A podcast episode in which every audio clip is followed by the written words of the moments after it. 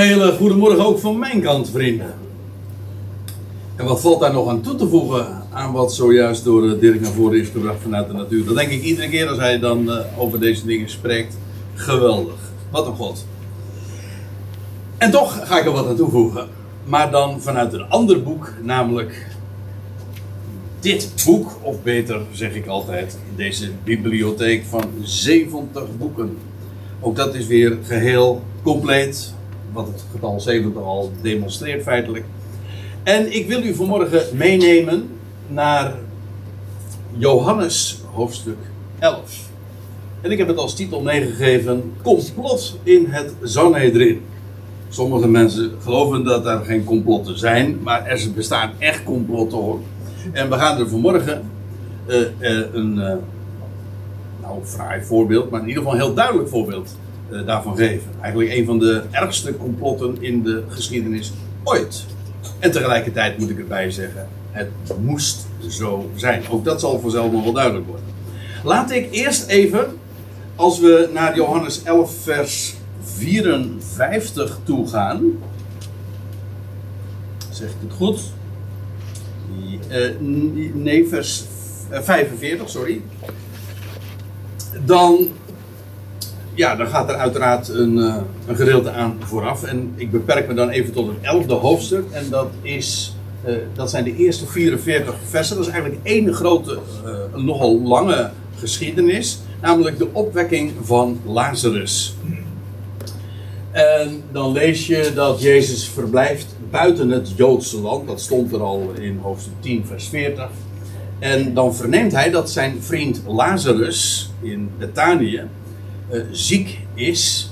En uh, doodziek zelfs. En dan lees je dat Jezus nog twee dagen wacht. Heel eigenaardig. En dan vervolgens gaat hij naar Lazarus toe om hem op te wekken. Nou ja, dat is zo'n structuur. Als je eenmaal het Johannes-evangelie enigszins kent, dan, dan struikel je erover. Geweldige typologie, wat daarin ook weer gedemonstreerd wordt. Johannes schrijft deze dingen ook met het oog daarop op. Het zijn niet alleen maar wonderen die God en Jezus Christus daarin verrichten, maar het zijn ook tekenen, de hele geschiedenis, de hele entourage, de wijze waarop het plaatsvindt. Het feit dat Jezus dan eerst twee dagen wacht en dat hij op de derde dag dan pas daar naartoe gaat. Ja, het heeft allemaal geweldige betekenis. Ik ga er nu niet eens op in. En een heleboel van u, dat weet ik, die weten inmiddels al, zou het misschien niet iets te maken hebben met de tegenwoordige tijd. En, en dan zeg ik, yes, dat heeft het zeker. Nou, die uh, geschiedenis van de opwekking van Lazarus heeft plaatsgevonden. En dan staat er in vers 45 Velen dan vanuit de Joden die naar Maria kwamen, want die uh, Lazarus die woonde daar in dat huis met zijn beide zussen uh, Maria en Martha. En velen dan vanuit de Joden die naar Maria kwamen en gadesloegen wat hij deed, geloofden in hem. Want Jezus was toen vervolgens naar het graf gegaan van, Jezus, van Lazarus. En ja, hij lag daar inmiddels al vier dagen. En de, en de steen is toen weggewenteld. En nou, u kent het. De Heer Jezus had al tevoren gezegd van... Ik ben de opstanding en het leven. En ja, dat heeft hij toen ook bij die gelegenheid gedemonstreerd. Nou, er waren er velen bij. En die hebben dat allemaal waargenomen. En uh, zij geloofden ook in hem. Nou ja, in ieder geval, uh, ze konden er toch moeilijk onderuit dat deze man die daar gesproken had, uh, toch precies was wie hij claimde te zijn. Daar konden ze niet onderuit. Maar sommige van hen gingen weg. En die konden er natuurlijk ook niet onderuit. Maar die zagen tegelijkertijd wel het enorme gevaar van deze misleider in hun ogen. En die gingen weg eh, naar de Fariseeën. En, en, dat was een. Moet je goed realiseren. Kijk, bij ons he, heeft het begrip Fariseeën meteen een bepaalde klank gekregen. Uh, van mensen die niet deugen. Maar je moet zich realiseren: Fariseeën, dat was gewoon een, een onderscheiden groep. Die juist in, enorm in achting was. Een godsdienstige elite. En nou ja, in ieder geval, sommigen van hen gingen daar naartoe en ze zeiden tegen hen de dingen die Jezus deed. En de overpriesters en de fariseeën dan, dat is trouwens heel eigenaardig, hè? Ik, ik heb het even onderstreept, maar de overpriesters, dat is eigenlijk het meervoud van hoge priester. Een overpriester is namelijk gewoon een hoge priester. Dat is exact hetzelfde woord in het Grieks. En ja, dat heeft eh, te maken met het fenomeen dat er ook uh, verschillende hoge priesters waren. Ik kom daar straks nog even op terug. Eerst nog even dit. De overpriesters nu en de fariseeën dan, die verzamelden het Sanhedrin. En ja, dat is, dan hebben we het echt over het allerhoogste Joodse orgaan. Sanhedrin, dat wil gewoon zeggen, een, San betekent, komt van sun, dat betekent samen. En dat uh, Hedrin, Hedra, kathedra heeft er ook mee te maken. Eigenlijk is het altijd een zetel, iets wat vastzit. Trouwens, eh, als we het over natuur hebben, een hedera, dat is ook, heeft ook te maken met vastzitten. En dat is zo'n klimplant, die, die, die zet zich ergens vast. Dat heeft er allemaal mee te maken, dezelfde oorsprong. In ieder geval, eh, dat Sanhedrin, dat was een, ja, een, eh, een plaats waar 70 mensen gezeteld waren. En dat was ja, het hoogste Joodse orgaan ik moet er wel bij zeggen, ze waren tamelijk gelimiteerd hoor in die dagen door de Romeinen, want ze konden niet zomaar alles beslissen. Ze bijvoorbeeld, ze hadden geen bevoegdheid om iemand ter dood te veroordelen. Dan moesten ze altijd eerst toch voorbij, uh, langs de, het Romeinse gezag. In ieder geval, uh, de fariseeën en de, de overpriesters en de fariseeën dan verzamelden het Sanhedrin en zeiden, wat doen we? Eigenlijk is het idee van, mensen, wij doen niks. Maar eh, dan vervolgen ze, want deze mens doet vele tekenen. Dat konden ze dus niet ontkennen. Dat het, het hele volk wist dat, het was gewoon onmiskenbaar wat er plaatsgevonden had. Niet alleen dit, kort daarvoor trouwens was er nog iets nogal publieks gebeurd. Op een Shabbat, eh, notabene. Namelijk, de, en dat wordt ook in Johannes vermeld, namelijk de genezing van die blindgeborene man die zijn hele leven blind was, al vanaf de geboorte dus. En die was genezen. En dat eh, heeft Jeruzalem ook behoorlijk op uh, stelte gezet. Kortom, het broeide daar. U moet zich daarbij ook nog realiseren, het was, dat zullen we straks ook zien, het was bijna paas, paascha.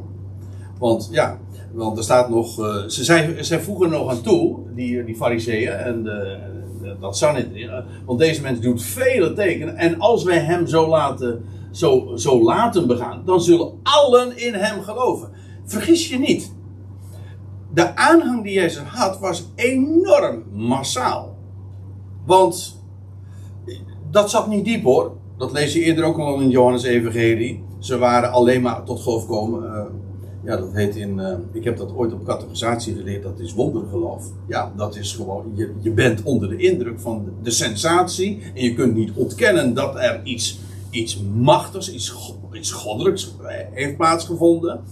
Ja, maar dat wil nog niet zeggen dat je in je hart overtuigd bent van de waarheid uh, daarvan. En dat moet je altijd uh, er wel bij incalculeren.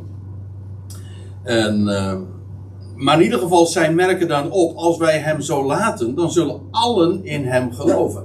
Kijk, als wij zeggen, dat, misschien is dat wel goed om je even te realiseren. Als wij zeggen dat het volk van Israël, of meer specifiek het Joodse volk, Jezus heeft verworpen, dan hebben we het in feite niet eens zozeer over het volk Amas, maar dan hebben we het over de leidslieden. Want zij representeren het volk.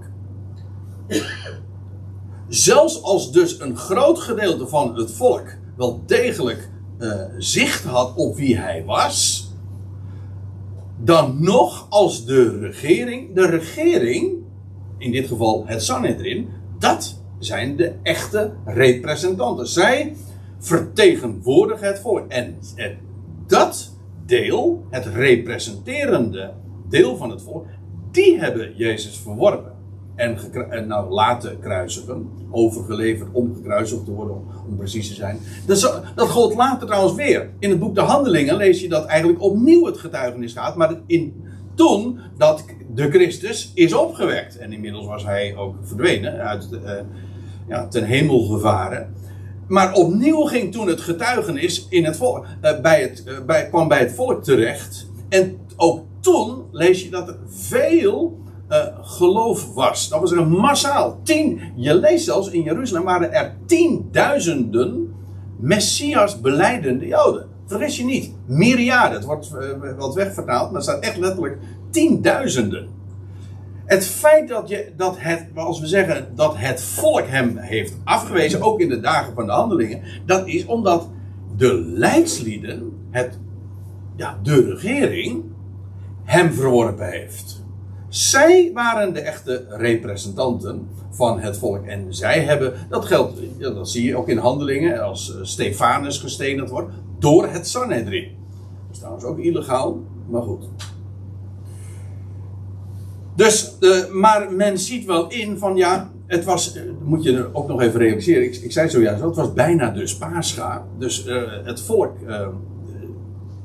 daar de stad Jeruzalem, waar daar, want daar vindt dit alles plaats, was inmiddels aan het volstromen. Uh, dus niet alleen maar vanuit het hele land, maar ook vanuit uh, ja, heel de wereld kwamen mensen op die hoogtijden, of de paascha met Pinkster of later met het Loofhuttenfeest. Dan kwamen ze vanuit de hele wereld op pelgrimage in Jeruzalem. Dus de hele stad, het wemelde daarvan volk. En ja, daar was die Jezus van Nazareth en die gooide enorme hoge ogen en ja, dat, ze zagen met leden ogen aan dat hij zoveel aanhang had. En ze zeggen dus ja, als we dat zo laten, dan zullen alle in hem geloven. Trouwens, eh, nog eventjes iets.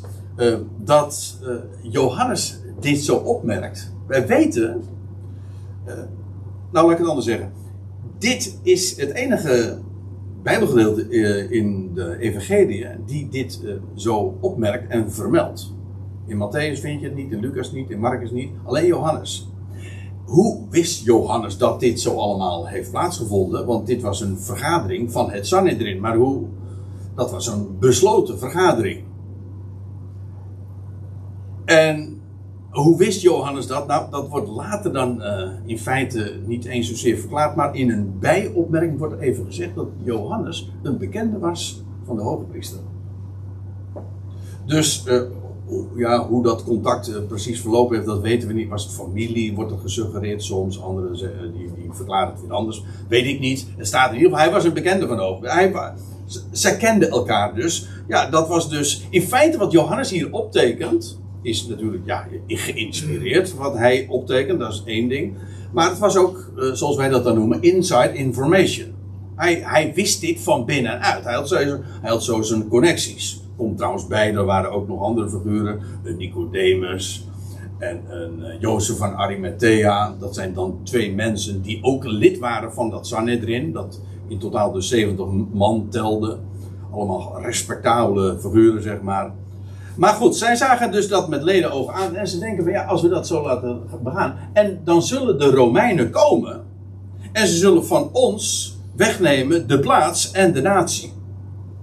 Wat zij dus meende van ja, als die Jezus nou nog meer aanhang krijgt en nu juist tegen de tijd van het Pascha, Jeruzalem stond helemaal vol, en die Jezus, waarvan toch heel sterk uh, het vermoeden was, hoewel dat openlijk nergens geleerd werd, Jezus claimde dat ook niet openlijk.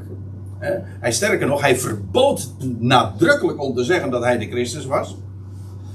Maar het gonste van bewering, hij is, zou hij de Messias zijn?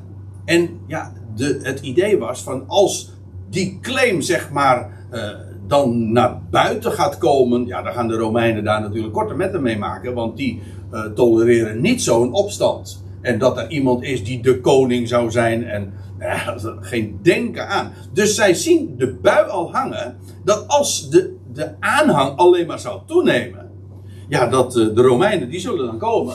En ze zullen van ons wegnemen. Je moet op, op kleine woordjes dan letten. Ze zullen van ons wegnemen de plaats en de natie. Van ons, dat is dus van het Sanhedrin. Dat is dat zelfbestuur. Kortom, dan zijn wij onze positie kwijt. Dat is het idee. Het gaat dus in feite hier in deze vergadering. Ik, ik noem het een complot. Waarom? Om, ja, een complot, dat wil gewoon zeggen een afspraak. Een geheime afspraak. Waar dus de wereld uh, niet van weet. Maar uh, een geheime afspraak om. Uh, ja, die ergens tegen is om iets uh, te verijdelen of om iets te bewerken, maar dat niemand dat weet. Dat noemen we, dat heet een complot. De term is de laatste jaren vaak genoeg voorbij gekomen.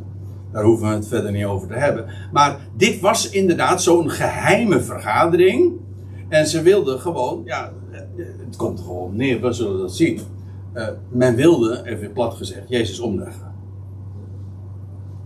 En ze zeggen, als we dat niet doen, ja, dan zullen de Romeinen komen. En dan zijn wij onze positie ook kwijt. Dan zijn, dan zijn wij geen Sanhedrin meer. Dan zijn, het ging hier dus niet om de vraag van... Eh, joh, wie zou die Jezus zijn? En, dat, eh, en wat hij spreekt. En wat hij doet. Dat getuigt toch ergens van.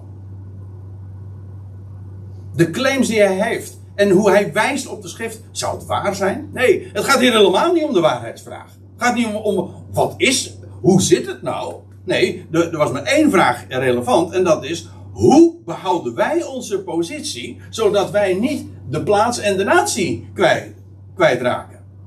Ja, dat was de vraag. En ze, ze, zien dus de buiwang, dan zullen de Romeinen komen en ze zullen van ons wegnemen de plaats en de natie. De plaats, dat is, uh, dat is wel interessant, ja, de plaats is gewoon de tempel. De locatie. Dat is al een hele oude naam, want in de Hebreeuwse Bijbel kom je hem ook vaak tegen. Uh, dat is Ha-Makom. In, uh, in het Nieuwe Testament vind je hem ook heel vaak. De plaats. Ja, ik heb hem eventjes in het Amsterdamse ook bijgezet. Want de plaats. eigenlijk, kijk, de plaats is eigenlijk de tempel. En meer breed nog Jeruzalem. Gewoon omdat Jeruzalem de plaats is, de stad is, waar de plaats is. Dus dan werd het uitgebreid naar Jeruzalem. En aangezien Amsterdam, daar woonden heel veel Joden, dat noemde men dan gewoon ja, het Jeruzalem van het Westen. Of Jeruzalem daar in de lage landen. En, en, ja, en de Joden spraken zelf daar ook over Mokum, Hamakom, de plaats. Maar uiteindelijk heeft dat te maken met uh, een verwijzing naar de tempel in Jeruzalem. Enfin, uh, dan zullen zij van ons wegnemen de plaats ja, en de natie. Ik moet erbij zeggen, het is ook gegaan, zo gegaan, maar dan wel precies omgekeerd. Want wat is er gebeurd? Dit heeft, vond plaats in het jaar 30. Ik geloof inderdaad precies het jaar 30. En 40 jaar later, wat is er toen gebeurd? Toen zijn de Romeinen gekomen en ze hebben het Sanhedrin gewoon terzijde geschoven. Dat was nog het minst erge. Maar ze hebben de, de plaats uh, met de grond gelijk gemaakt, verbrand. En heel Jeruzalem verwoest in de. En er zijn, uh, ja, dat, dat, de schattingen lopen uiteen. Tussen 1 en 2 miljoen Joden zijn toen uh, omgebracht. Een bloedbad ongekend in het jaar 70. Dat, was dus 40 jaar later. En de Bijbel zegt ook, trouwens, dat die relateert dat ook uh, wel degelijk aan, het, aan de verwerping van de Messias. Hier, wordt het, hier zeggen zij van, ja, als we deze Messias nu niet, als we deze Messias zouden aanvaarden, ja, dan zullen de Romeinen komen en ons de plaats wegnemen en, en, en de hele natie. Want het was niet, ja, 70 is niet alleen maar het einde van Jeruzalem en van de tempel, maar in feite van het hele nationale bestaan en de, de Joden die er nog waren, zijn voor het grootste gedeelte allemaal verstrooid onder de volkeren en uh, verkocht als slaven. En dat heeft de, dat, is, dat zijn hele aparte verhalen, wel niet lang, nog niet zo lang geleden over Dat, uh, dat de, de, de, de, de, de Joden werden toen door de Romeinen als slaaf verkocht daar in Egypte. En op een gegeven ogenblik was een slaaf helemaal niks meer waard. Omdat er zo'n enorme over, was zo'n aanbod op de slavenmarkt. Dat, uh, dat een slaaf, ja, kostte helemaal niks meer. Want er was gewoon uh, de, de, het aanbod overtrof verre de vraag. En vandaar ook dat de prijs van de, van de slaven enorm kelderde. In die dagen. Ik bedoel maar te zeggen, dat is een enorme dramatische gebeurtenis geweest. Maar het heeft allemaal te maken met de verwerping van de muziek. Hier zijn ze, hier keren ze het om. Zo gaat het altijd. Dus niet geïnteresseerd ben in de waarheid. Ja, dan volg je de leugen. En dat is in feite altijd een. Een leugen is niks anders dan een omgekeerde waarheid. Of een verdraaide waarheid. Vandaar ook dat we zeggen verdraaid nog aan toe. Denk ik dan, weet ik niet hoor. Dat denk ik dan wel vaak, ja. Maar oké, dat is dus de angst die daar is. En ze zeggen, als wij zo pas, als we gewoon niks doen, gaat dat gebeuren. Met andere woorden, we moeten wel wat doen. Dat is het idee. Maar één van hen, vanuit hen, Caiaphas, die hoge priester was van uh, die jaargang.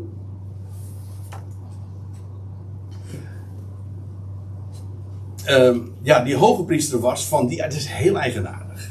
Want het punt is, in de Bijbel, ik, ik had het er net al even over, over die overpriesters, hè, dat, dat, meervoud van hoge priester, maar er is nog maar één hoge priester.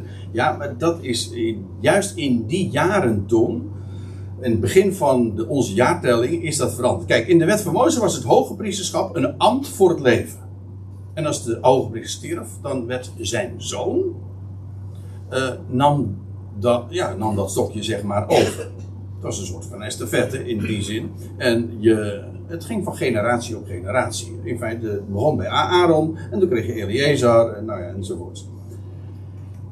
Toen de Romeinen kwamen, die hebben dit in het jaar 18. Zo, staat dit staat trouwens niet vermeld in de Bijbel. De Bijbel suggereert het wel, maar wordt niet zo vermeld. Maar in het jaar 18 van onze jaartelling, dus toen was de heer Jezus pakweg een, een jonge man van 20 jaar of zo, ja, zoiets, 21. En die stelde toen Caiaphas aan. Vanaf het jaar 18 tot 36. Dus gedurende de hele tijd dat de Heer Jezus open, zijn openbare bediening had, was Caiaphas volgens de Romeinen de hoge priester. Maar deze Caiaphas was de schoonzoon van de eigenlijke hoge priester. Namelijk Annas. Dat was een. Uh, dat, was, ja, dat was de eigenlijke, voor de Israël, de hoge priester. En die Caiaphas werd door de Romeinen gesteld en die, ja, die wilde daar gewoon ook een, zeg maar een vinger in de pap hebben. Van dat, dus, waarin je trouwens alweer ziet hoezeer de, de, de Joden geknecht gingen onder de, ja, de bepaling en de, regel, de regelgeving. U kent u dat, hè? De regelgeving vanuit Rome. Dus ze waren hun eigen zelfstandigheid waren ze eigenlijk al voor een groot gedeelte uh, kwijt. In ieder geval, die Annas die was dus eigenlijk de hoge priester. En, uh, en maar volgens de, Romein, volgens de Romeinen was Caiaphas het. Dus, eh, en dat betekent dus dat je eigenlijk twee hoogpriesters had. De echte, volgens, volgens de, de, de Joden. Uh, er staat trouwens nog bij, maar één van hen, Caiaphas, hij, hij heette eigenlijk Jozef, maar zijn bijnaam was Caiaphas, die hoogpriester was van die jaargang. Dat, dat betekent niet trouwens dat je elk jaar een andere hoge priester kreeg, maar het betekent gewoon, uh, hij was in dat jaar, dat jaar, dat jaar dat Jezus gekruisigd werd, was hij de hoge priester. Kijk, het is net zoiets als ze zeggen van, ja, uh, noem eens wat. Uh, Den Uil was in dat jaar minister. Dat wil niet zeggen dat het jaar erop dat hij geen minister was. Nee, het wil gewoon zeggen, kijk, in het jaar dat Jezus Christus gekruisigd werd, toen was hij de hoge priester. En die Caiaphas is dat uh, dus 18 jaar in totaal geweest. Of 19, wat zeg ik? Vanaf 18 tot 36. Dus nog drie jaar, uh, nee, nog jaar, zes, uh, jaar of zes langer na dit is hij nog hoge priester geweest. Volgens de Romeinen dan. Hè. Je leest trouwens ook bij andere gelegenheden dat als het Sanhedrin samenkomt, dan is in de praktijk, heeft die Annas nog eigenlijk voor de Israël, heeft de beslissende stem. Maar goed, dus dat, dat waren twee uh, dingen die door elkaar liepen. En die, die, die uh, ja, die die staat dan op. Die had formeel dus ook uh, dat recht. En hij zegt, hij zegt, jullie weten niks. Dan hadden ze trouwens, zo, kwamen ze ook bij elkaar. Hè. Ze van, wat doen wij nou? Ja, ze wisten eigenlijk niet wat ze ermee aan moesten. En ze, jullie weten niets. en, ze, en, jullie, en jullie rekenen ook niet dat het nuttig is voor jullie gewoon jullie, Sanhedrin, dat één mens sterft ten behoeve van het volk. Ja, je ziet trouwens ook hoe deze man, dat is echt een, dit is echt, ja, hoe moet ik je dat nou even zeggen? Dit is politiek.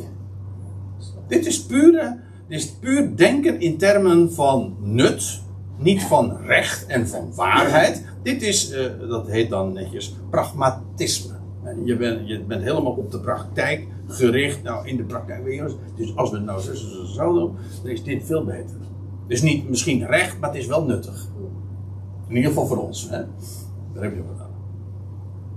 En jullie rekenen niet dat het nuttig is voor jullie dat één mens sterft ten behoeve van het volk. Dus Caiaphas zegt eigenlijk van, uh, de passiviteit die we tot dusver aan de dag leggen rondom die Jezus, daar moeten we echt nu een eind aan maken. En we moeten wat doen. En deze mens moet gewoon sterven. En hij zegt, dat nuttig, want anders, uh, hij zegt, ja, ten behoeve van het volk. Hoezo ten behoeve van het volk? Nou, dat niet de hele natie verloren zal gaan. Dat is het idee. Als we hem nou kruisigen, dan zorgen we er in ieder geval voor de Romeinen komen en dat niet dat Jeruzalem en, en, en, en, de hele natie, zeg maar, ten onder gaat. Dus hij zegt, het is nuttiger dat één mens sterft ten behoeve van het volk. En nou, nou de vingers op mooi. Zegt Johan, tekent Johannes erbij aan. Maar dit zei hij niet van zichzelf. Dus hij, kreeg, hij verwijt zijn, zijn toehoorders onwetendheid. Als jullie weten het niet.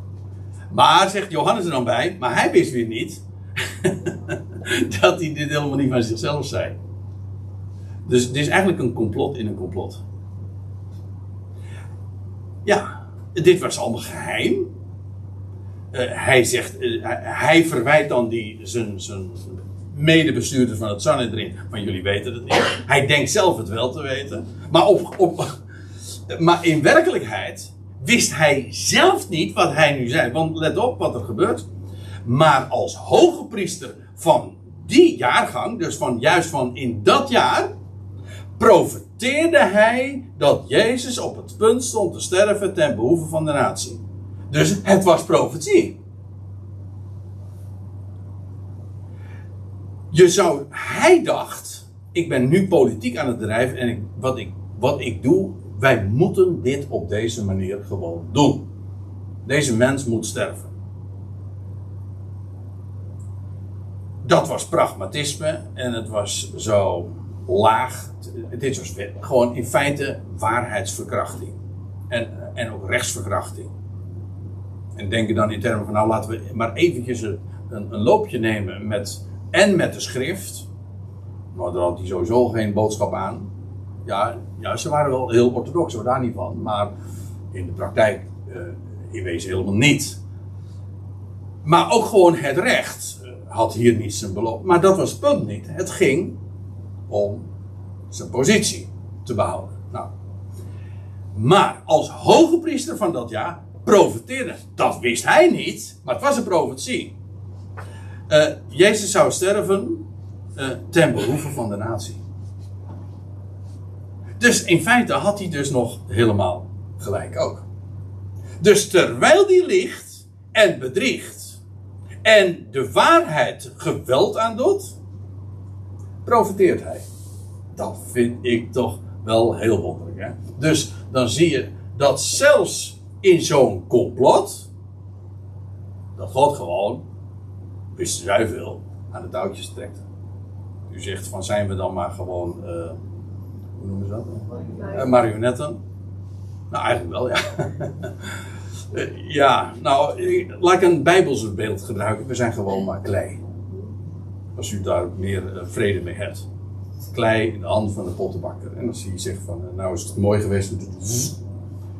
En dan maakt hij eruit iets nieuws. Zo, zo. Nou ja, in ieder geval. Kijk, het punt is, deze man, die profiteerde. Wist hij niet, maar hij profiteert. En feitelijk vervult hij zijn taak nog als hoogpriester ook. Want wat er gebeurt, uiteindelijk zal dat zal blijken, want dit is Johannes 11. Uh, maar het paasgaan was nabij, lezen we. En wat gebeurt er? Vlak voor het feest, dat was de dag eigenlijk van het, dat het paasgaan geslacht moest worden. Vlak voor het feest moest het holderbolder nog gedaan worden, want het moest voor het feest allemaal gedaan worden. En dus er was uiteindelijk nog haast bij. Maar wat, wat gebeurt er dan? Jezus wordt gekruisigd exact op de dag dat het paascha geslacht moest worden. En daar heeft Caiaphas, als priester, heeft dus gewoon het offer, het paascha, geslacht. Dus hij vervult profetisch gewoon zijn taak. dat is toch geweldig? Zo, zo, zoals God dat gewoon uh, hem laat doen. Hij vervult gewoon zijn hoge priestelijke taak. Namelijk om het offer te brengen. En, uh, en hij voorzegt ook als hoge priester, juist van uitgerekend dat jaar, uh, dat dit zo, zo moest gaan. En ja, zo gaat dat trouwens heel vaak. Nou ja, ja heel vaak, ja, toch wel dat uh, mensen die profiteren niet eens een idee hebben wat ze profiteren. Dus een heel fraai voorbeeld vind ik altijd Biliam. Je leest dat in nummer 23 en 24. Die een hele uitgebreide profetie uitspreekt over het volk. En terwijl hij geen idee had van wat hij zei. Maar hij was gewoon de mond van God. U weet het, hè? Dat is diezelfde geschiedenis dat God een ezel laat praten. Nou, dat was bij Ilian dus eigenlijk. Hij balkte maar wat. Ja, maar God, die geeft een mond om te spreken. En dat was Biliam ook. En die, die profiteerde. Tegen wil en dank. En trouwens tegen een heleboel andere. Tegen degene die hem ingehuurd had ook. Dat vind ik mooi. Dat vind ik echt zo mooi. Maar goed, een Biliam deed het ook. Maar wist u trouwens dat het in het algemeen zo was? Dat profeten, zoals we die aantreffen in de Bijbel, in de Hebreeuwse Bijbel die profeteerden heel dikwijls over dingen waar ze geen idee van hadden. Dat, dat verzin ik niet. Maar uh, je leest in 1 Peter, laten we het even lezen. Ik kan het niet nalaten. Uh, dan staat er in 1 Petrus 1 vers 10. Uh, aangaande welke redding, ja, dus ik val midden in de zin. En zochten en uitvorsten de profeten die aangaande de genade voor jullie profeteren. Petrus spreekt tot, tot de besnijdenis en hij zegt van, ja, de profeten die hebben uh, over, geprofiteerd, ja, over de genade die voor jullie is. Ja, over de redding. Maar, zegt hij, zij zochten en zij vorsten uit. Terwijl zij speurden, let op, in welke of hoedanige periode de geest van Christus in hen duidelijk maakte toen deze tevoren getuigde van al het lijden betreffende Christus en de heerlijkheden daarna. Als u zegt, er is een hele mond vol, dan zeg ik dat is ook zo, maar laat het eens op je indringen. Wat hier staat, is dat zij hebben geprofiteerd over de heerlijkheid, nee, over het lijden dat over de Christus zou komen, en ook de heerlijkheden daarna, dat hebben ze gedaan. Maar ze hebben ondertussen in hun eigen profetieën gespeurd dat is wat er staat. En gezocht en uitgevorst, dat wil zeggen uitgezocht, gecheckt. Hoe zit? En ze, ze begrepen dus hun eigen profetieën niet. Van in welke, ja, over wat dan? Nou, in welke of hoedanige tijd of periode de geest van Christus in hen duidelijk maakte uh, toen deze tevoren getuigde. Dus zij hebben geprofiteerd over dingen en ze hebben zich afgevraagd, maar hoe dan wel? In, in welke en hoedanige tijd dan? Hoe, hoe gaat dat vervuld worden? En wat zij dus niet wisten, is die tijd tussen de, het lijden en de heerlijkheid van Christus. Tussen zijn eerste en zijn tweede komst. De verborgenheid. Dat wisten ze niet. Hebben ze uitgezocht. Dat was allemaal verborgen. En ja, het is Paulus die dat allemaal, uh, de, de verborgenheden bekend maakte. Maar kijk, dat vind ik zo geweldig. Dat, dat dus voor de profeten was dat onbekend. En ze hebben het zelf hun eigen profetie. Maar hoe kan dat eigenlijk? En hoe, eh, op welke tijd slaat dat dan? Zij wisten het niet. En later in het Nieuwe Testament wordt dat allemaal onthuld. Prachtig. Nou ja, ik lees nog even verder. Uh, over, terug naar Johannes 11. De hoofdpriester van dat jaar profeteerde hij dat Jezus op punt stond te sterven ten behoeve van de natie. En dan lees ik verder. En niet alleen ten behoeve van de natie, van het volk Israël, maar ook om de kinderen van God die verstrooid zijn bijeen te verzamelen. Dus Caiaphas, die profeteerde, had hij niet door, maar hij profeteerde dat Jezus zou sterven ten behoeve van de natie Israël. En ook om de kinderen van God die verstrooid zijn, dus buiten Israël, bijeen te verzamelen. Dat is trouwens ook dubbelzinnig. Want dat verwijst naar de gelovige Israëlieten in de diaspora. Diaspora betekent ook gewoon verstrooiing. Gewoon buiten het land. Maar ook het is eigenlijk net als in onze dagen. Ik bedoel, er is weer een Joodse staat daar in het Midden-Oosten. Maar het merendeel van de Joden woont gewoon buiten het land hoor. En dat was in feite toen de tijd ook zo. Er, er was een Joodse staat, veel beperkter dan, dan nu dan, maar goed. En, maar het merendeel van de Joden, die woonden buiten het land. Nou ja, die kwamen dan bij gelegenheid op, pelgrimage in, in Jeruzalem. Kijk, laat ik u even meenemen. Ezekiel 34. Wel, daar, daar, lees je dit. Uh, over die verstrooide kinderen van God. Want zo zegt mijn Heer Jahweh. Zie, ik zal zelf, zegt God zelf, naar mijn schapen vragen en naar hen omzien. En zoals een herder naar zijn kudde omziet. Nou, dat, uh, daar wil ik het ook al onlangs over. Over die, uh, over die herder en de kudde. En dat een kudde. Dat nooit ge, gewezen wordt op de verantwoordelijkheid van een kudde. Het gaat altijd over de, over, over, over, de, over de herder. Die gaat over de kudde. Maar goed. Uh, zoals een herder naar zijn kudde omziet wanneer hij te midden van zijn verspreide schapen is. Zo zal ik naar mijn schapen omzien en ze redden uit alle plaatsen waar zij verstrooid zijn geraakt. Op de dag van wolk en duisternis. Ik zal ze midden uit de volkeren doen uittrekken en uit de landen bijeen vergaderen en ze naar hun eigen land brengen. En ik zal ze wijden op de bergen van Israël. Met andere woorden, hij zou de verstrooide kinderen van God gewoon terechtbrengen naar het land. Dat is het ene. Maar het heeft nog een toepassing en dat is namelijk op de huidige tijd, waar, uh, waar God op een verborgen wijze zijn werk vervult. Want uh, ja, wat gebeurt er nu? Hij, wat hij nog toch vandaag doet, is de verstrooide kinderen van God, waar ze ook zijn in de wereld, bijeenbrengen u zegt, ja, maar dat is Paulus die dat allemaal openbaart. Jawel, maar verborgen vind je het hier al. Uh, namelijk dat, die, dat de kinderen Gods bijeen verzameld worden. één hoofd, één lichaam. Oké. Dus uh, dit heeft niet uh, maar één toepassing, dit heeft er zelfs twee. Dus die, die, die Caiaphas die profiteerde niet alleen maar, maar hij profiteerde niet, en hij profiteerde niet alleen maar zinnig, maar heel dubbelzinnig zelfs. En dan staat er vanaf die dag dan beraadslaagde zij om hem te doden. Ik zei al, het was. Uh, de, het paascha was nabij en er was inderdaad haast bij geboden, dus het zou niet al te lang meer duren. En alles is goddelijke timing.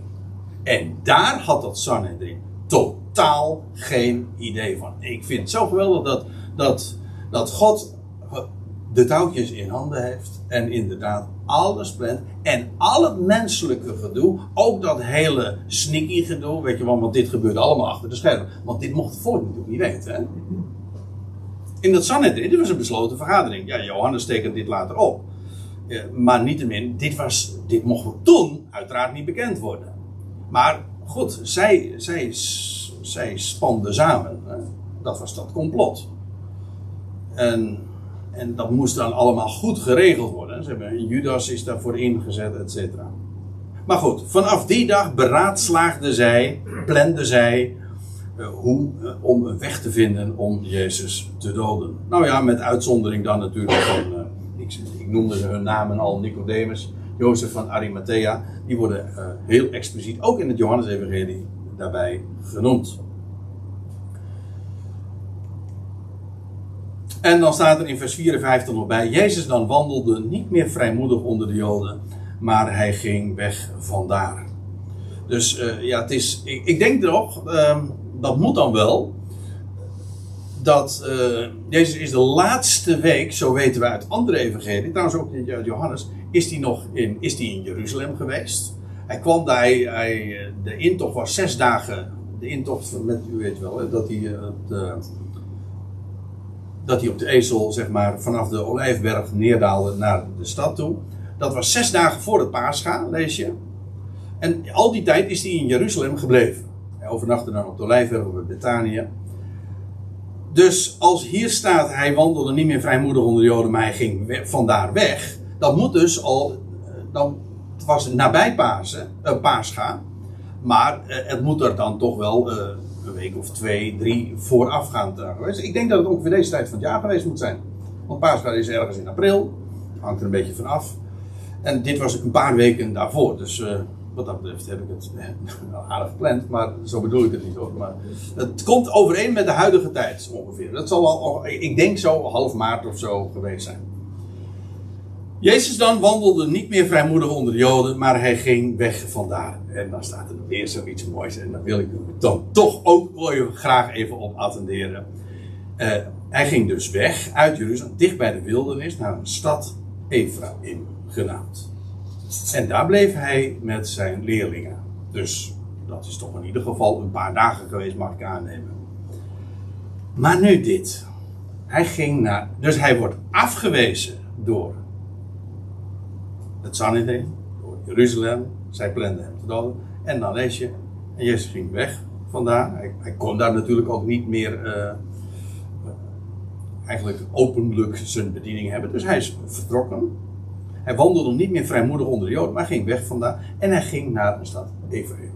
Ja, wat, welke plaats dat precies geweest is, uh, waar dat gelegen uh, daar ga ik u nu niet mee vermoeien. Ik, in feite vind ik dat ook niet zo heel erg interessant. Daar zijn ook weer verschillende theorieën op. Het maakt namelijk niet uit. Het gaat er om die plaatsnaam. Hij ging naar Ephraim. Jeruzalem verwijderd en dan gaat hij naar Ephraim. Weet u waarom? We hebben het er uh, nog niet zo heel lang geleden, dat was toen nog in Soetermeer, heb ik het gehad over de tien stammen. Over het lot van de tien stammen. Nou, Ephraim heeft daar alles mee te maken. Laat ik, laat, ik even, laat ik het op een rijtje zetten. Want hij is misschien wat moeilijk, maar ik vind hem prachtig. En ik wil graag delen met u. Eerst even dit. Ephraim. Wie was Ephraim? Even het geheugen opfrissen. Dat was de jongste zoon van Jozef. Jozef had twee zonen, namelijk Manasse en Ephraim. Maar, en dan lees je dat als Jacob, is een mooi plaatje trouwens, Good News Bijbel, en dat Jozef, pardon, Jacob op zijn sterfbed, dan roept hij Jozef en zijn en diens zonen, dus Jacobs kleinzonen, en dan, uh, maar gaat eh, Manasse uh, rechts van hem zitten en, jo en Ephraim als de jongste gaat links van hem zitten. En jo Jacob zou dan zegenen. Die zou het eerstgeboorterecht geven de hoogste zegen, de dubbele zegen aan Manasse. En dan lees je in Genesis 48, dan doet Jacob precies tegenover. Dan kruist hij zijn armen en hij legt zijn rechterhand op Ephraim, de jongste. En Ephraim krijgt het eerstgeboorterecht. En Manasse, uh, en Manasse dus uiteraard niet. Krijgt ze worden allebei gezegend, maar de eerstgeboorte zegen, de dubbele zegen, gaat naar, naar uh, Ephraim. Ja. Over Ephraim is een heleboel te melden, maar het is vooral uh, bekend, de naam Ephraim, omdat het een aanduiding is van de tien stammen. Meest, ze worden heel vaak genoemd, je leest over Juda en Israël, maar je leest ook heel vaak over Juda en Ephraim. Gewoon omdat Ephraim de belangrijkste stam was onder de tien stammen. Toen, je, toen dat rijk eh, na Salomo's dood scheurde in de twee stammen en de tien stammen, toen werd, werden de tien stammen, de, kregen de naam Ephraim. Ja? Oké. Dus uh, de tien stammen is Ephraim. Nou, wat is er gebeurd met die tien stammen? Die tien stammen zijn toen. Uh, ze hebben een twintigtal koningen allemaal goddeloos. En die zijn op een gegeven ogenblik gedeporteerd. Later de twee stammen ook. Die gingen naar Babel. En ze zijn weliswaar weer teruggekeerd. Gewoon, het, volk mocht, het hele volk mocht terugkeren naar Jeruzalem. Zo lezen we. bij, onder leiding van Kores, na 70 jaar, dat was ook allemaal perfect gepland. God had dat zo gezegd, na 70 jaar. En dan mocht het hele volk terugkeren naar Jeruzalem. En de tempel mocht weer herbouwd worden. En ze, het, het volk keerde terug naar Juda. Ja, eigenaardig, want dat betekent dus dat de tien stammen niet meer hun eigen stamgebied terugkregen. Alle, alles van het volk Israël ging naar Juda. Naar de stam van Juda. Staat gewoon letterlijk ook in één. Ik heb het erbij vermeld, dat staat op meerdere plaatsen. Esra 1, vers 3. En vandaar dat de, vanaf toen de term Jood ook in zwang uh, geraakte. Omdat eigenlijk Jood betekent van Juda. En alle Israëlieten woonden namelijk in het stamgebied van Juda of Judea. En dat, daarom heten ze gewoon van Juda. Dat betekent niet dat ze van Juda afstammen, maar ze woonden in het stamgebied van Juda. En de tien stammen hebben dus eh, hun gebied nooit meer uh, teruggekregen, officieel. Ja, en dat is de reden dat Ephraim sindsdien ook symbool staat voor, de niet, eh, het niet teruggekeerde Israël. En daarom is, staat Ephraim ook voor de natieën. Ja, ik, ik geef toe, je moet, je moet even goed erbij zijn. Hè? Ik, heb, ik had u gewaarschuwd. En anders luistert u gewoon nog een keertje terug. Ik veronderstel ook een klein beetje kennis van hoe dat gegaan is in de geschiedenis. En sommigen uh, die, die weten dat, en anderen misschien wat minder. Excusez moi, dat kan ik verder ook niet helpen. Maar in ieder geval, Ephraim is dus, ja, staat symbool voor het Israël wat niet is teruggekeerd. En daarom staat het symbool voor de natie. En als u dat wil, eh, waar, als u dat geïllustreerd wil zien, moet u de Romeinenbrief maar eens lezen. En in deze verse van Romeinen 9 staat dat zelfs eh, heel uitdrukkelijk nog. Goed. Nou, nou ik nog eens iets uh, belangrijk. Wat is er nou gebeurd toen Jeruzalem de Heer afwees, de Messias uh, verwierp. Ik bedoel, eerst in de, bij de kruisiging, later ook als de opgestane, in boek Handelingen. Toen Jeruzalem de zoon, uh, de Messias afwees, wat gebeurde er toen? Door Israëls struikeling, dat is Paulus' bediening, is het heil naar de natie gegaan. Toch? Dat is Paulus, wat Paulus eigenlijk uitlegt. Israël heeft het afgewezen, oké, en nu gaat het naar de natie. Maar dat betekent dat het heil dus naar Ephraim ging. En dan nog wat. Ephraim krijgt de hoogste zegen. Uit hem zou een volheid van natieën komen. En daar spreekt Paulus in Romeinen ook over. Totdat de volheid van natieën in zal gaan.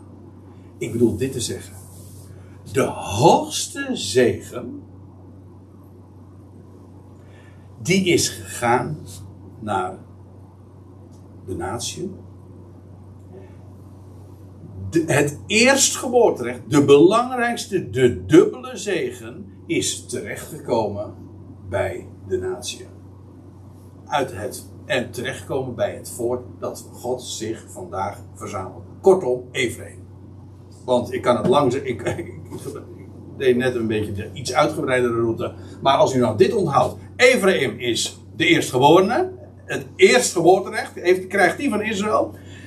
En Ephraim staat symbool voor de natie. Als u dat begrijpt, dan begrijp je ook waarom inderdaad nu door Israëls struikeling en de aanwijzing van de Messias is het heil naar de natie gegaan en daar is het eerste geboorterecht. De hoogste zegen gaat niet naar Juda en niet naar Israël, maar gaat naar de natie toe. En dat is trouwens erg jaloersmakend, maar daar heeft Paulus het ook over. Om hen tot jaloezie eh, te wekken. Want nou gaat de belangrijkste zegen. Nou is de Messias gekomen. En dan zou je zeggen, dat is in de eerste plaats voor Israël. Ja, was ook zo, maar het is omgekeerd. Dat is, dus, dat is dit. Je zou verwachten dat het daar kwam, maar het ging zo. Dat zie je trouwens altijd. Het eerste geboorterecht gaat nooit naar de eerste, maar altijd naar de tweede. Vraag het aan Abraham. Vraag het aan Jacob. Uh, vraag het aan Jozef. Nou, eh, het is altijd zo. Het is gewoon het, het, uh, het, de lijn, de hele de rode draad in het boek Genesis. Maar dat zit erachter. En vandaag, wat, we, wat er vandaag gebeurt, is de dagen van de verborgenheid. En nu is de Messias, ja, waar is die? Ja, hij is weg. Hij is verdwenen, hij. Maar waar bevindt hij zich in Ephraim? Onder de natie, verborgen. Ja. En u zegt, hoe zit het dan met dat Israël? Nou, dat komt ook. Na twee dagen komt hij gewoon terug en dan u zegt, nou, nou zit je de boel door, door elkaar te halen. Dan zeg ik, ja, dat doe ik ook. Maar dat doe ik expres. Maar om te laten zien dat al die draadjes dan toch weer samenkomen. Geweldig. Kijk, God heeft een plan. En geen mens houdt dat tegen. Want als u nou zegt van ja, maar ik, ik snapte dat allemaal, dat laatste helemaal niet zo goed. Nou, onthoud nou dit. God heeft een plan. Daar wijkt hij never nooit vanaf. En wat een mens ook bedenkt, het is altijd in overeenstemming met zijn raad. Niet alles wat gebeurt gaat naar zijn wil. Absoluut niet. Het meeste gaat zelfs tegen zijn wil in. Maar alles verloopt naar de raad, naar het plan, naar de bedoeling, naar het voornemen van hem. Dat kan niet missen. Kijk, en daarom hebben we een goed bericht. Want het komt altijd goed. Bij God gaat er nooit iets mis. Amen.